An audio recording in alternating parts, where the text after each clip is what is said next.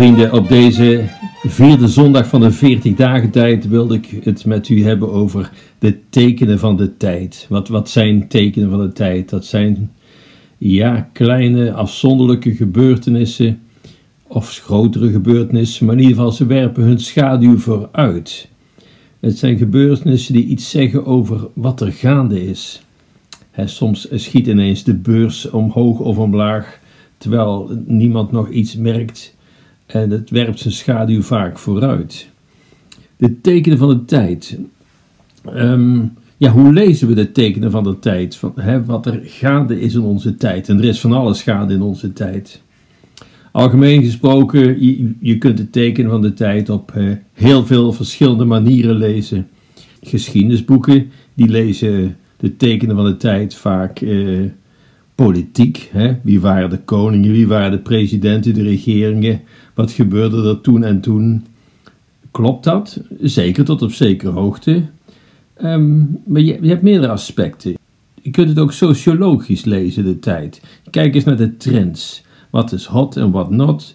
De publieke opinie, wat vindt men ergens van?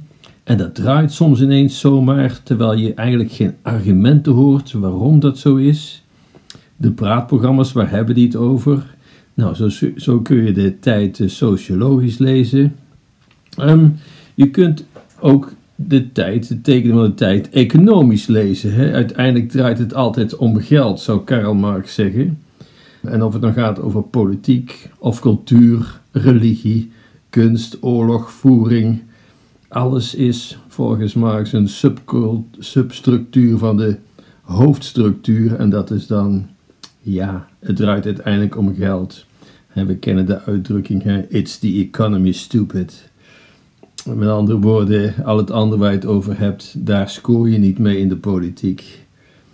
Je kunt het ook cultureel lezen. De ontwikkelingen van de kunst, de literatuur, dat is vaak een uiting van de tijd. Hè? Denk maar eens aan de verschillende stromingen in de kunst. Het weerspiegelt vaak de tijd. Nou, zo zijn er verschillende manieren om de tekenen van de tijd te lezen.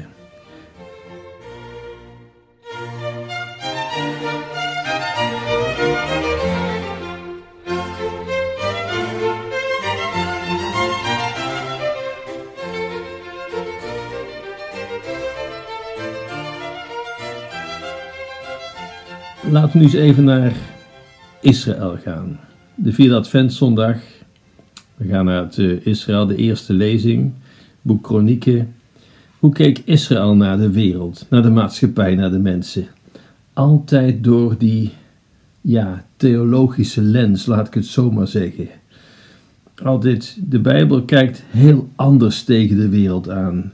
Want de Bijbel vraagt zich af, hoe kijkt God er tegenaan? En waarom? Vergis u niet, het oude Israël dat had een uh, hoogstaande cultuur. Je had ook politieke strategen. Maar nee, ze lazen de wereld niet door dit soort lenzen, maar door de lens van hoe kijkt God er tegenaan. En dat, dat uitziet dan ook um, in, in het boek Genesis, in de psalmen, de, bij de profeten, bij koning David. En het beeld van de Bijbel is, God werkt door al die andere aspecten heen, door de cultuur, door de politiek, door de sociologie. Zoals jij je verhoudt ten opzichte van God, dat bepaalt hoe je in het leven staat, van al die aspecten. Het geloof is niet een aspect van de samenleving, van iedere mens. Nee, het bepaalt al die andere aspecten van het leven. Wat, wat bedoel ik ermee? Um, als je kijkt door een politieke bril naar de geschiedenis, geeft dat een juist beeld van die tijd? Zeker, tot op zekere hoogte zeker. het liep zus en zo, omdat die en die koning, nou, die had die en die plannen en ze deden dit en dat en dit en dat waren de reacties. En daarom is het zo gekomen. Waarom heeft de Nederlandse geschiedenis zich ontwikkeld tot wat het nu is? Nou, en dan kun je kijken naar aspecten zoals de 80-jarige oorlog, de VOC, Um, industriële revolutie, Tweede Wereldoorlog, um, de Reformatie, waar we Calvinistische trekjes aan over hebben gehouden, enzovoorts. Klopt dat? Klopt dat beeld? Ja, tot op zekere hoogte zeker. En hetzelfde geldt voor de ontwikkeling van de cultuur. Heeft dat de ontwikkeling van Nederland bepaald? Ook hier weer, ja, tot op zekere hoogte. je zag het terug in, in de Gouden Eeuw, prachtige kunst. Later zie je abstracte kunst ontstaan, allerlei stromingen. Dat zijn tekenen van de tijd, ze weerspiegelen de tijd. Het zegt een en ander over hoe het er hier aan toe ging.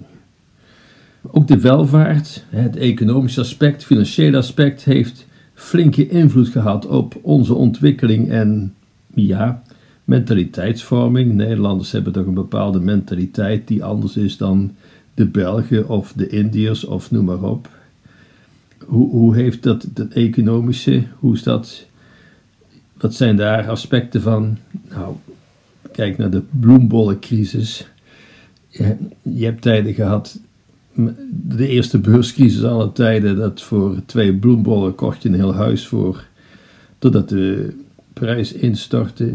De VOC, we zijn een ondernemend volkje, maar ook vandaag de dag nog kijk naar het nieuws.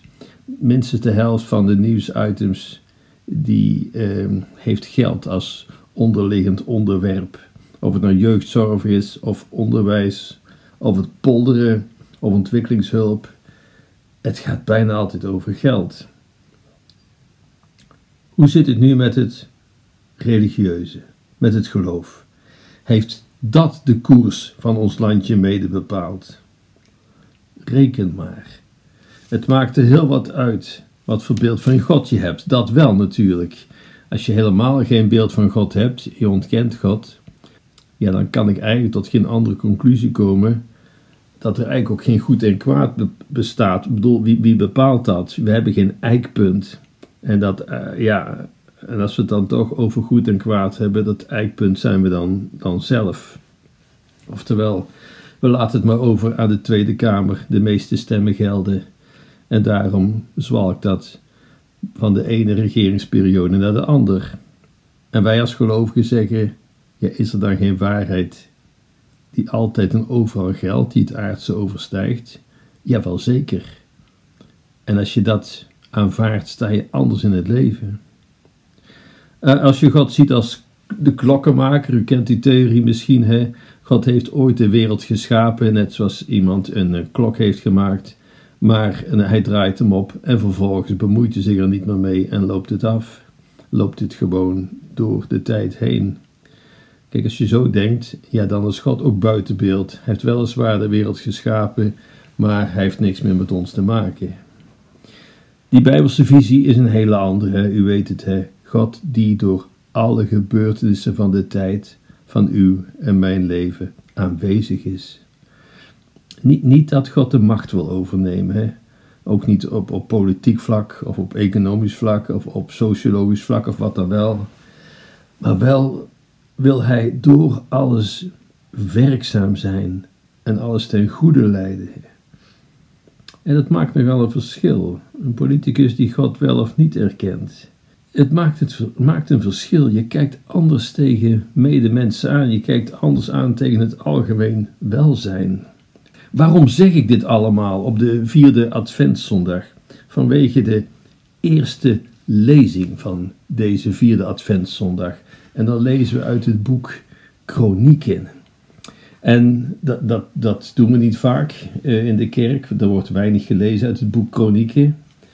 En toch, hier laat de Bijbelschrijver zien hoe God te werk gaat.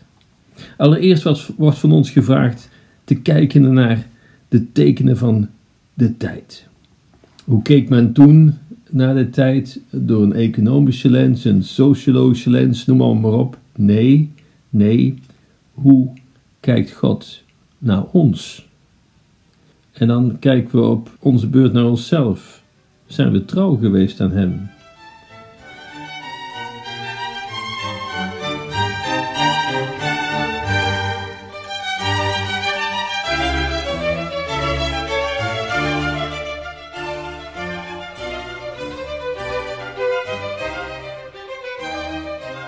De kronieken.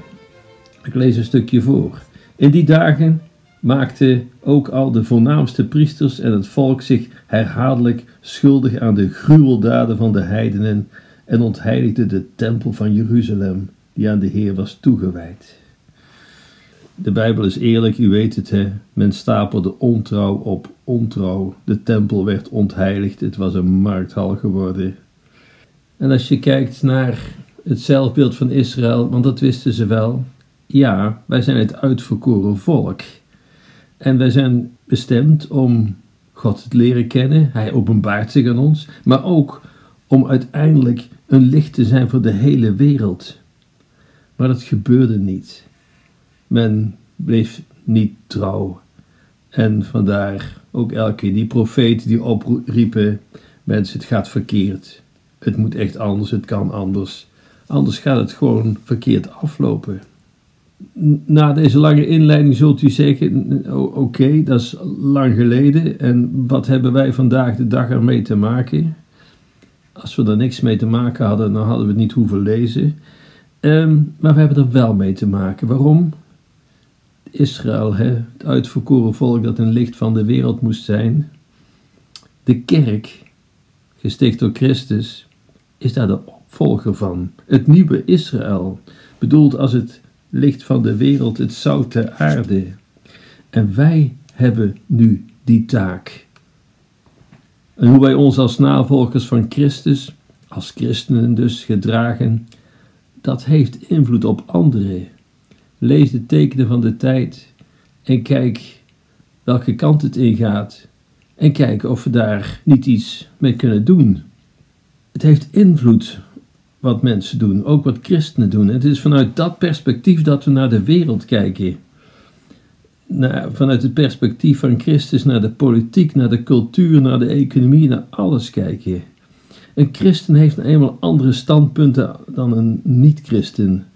Als dat niet zo is, dan moet u afvragen waar het verkeerd is gegaan. Een christelijk politicus kijkt anders aan tegen bijvoorbeeld vrijwillige levensbeëindiging dan een niet-christen. Een christen kijkt anders aan tegen het ongeboren leven en handelt dus anders als politicus, als arts, als noem maar op. Je staat anders in het leven. Um, ik geef een voorbeeld. We kennen heel die, ja, die merkwaardige genderdiscussie, beter gending, genderideologie. Een christen, een katholiek gaat uit van een scheppingsordening. De wereld is geschapen door God met een doel. En er zit een natuurwet achter. Uh, er is een bepaald doel, een bepaalde ordening. En als wij dat volgen, dan, dan bereiken we ons doel. Het, eeuwige levensgeluk. Dat is een objectief gegeven. Bij de genderideologie, uh, ja, hoe, hoe is dat te duiden? Je kunt als je een jongen bent, dan kun je kiezen of je een jongen of een meisje bent. En ehm, dat moet een ander maar aanvaarden. Ik gun iedereen zijn ideeën, maar toch. Als ik zie dat iemand zijn ondergang tegemoet gaat, dan is het onchristelijk om daar niets aan te doen. Ik geef u één voorbeeld. Ehm, ik zal hem Tom noemen, zo heet hij niet. Maar Tom, ik ken hem redelijk goed, 15 jaar. Heel onzeker. Op een gegeven moment bedacht hij, hij was misschien in het verkeerde lichaam geboren.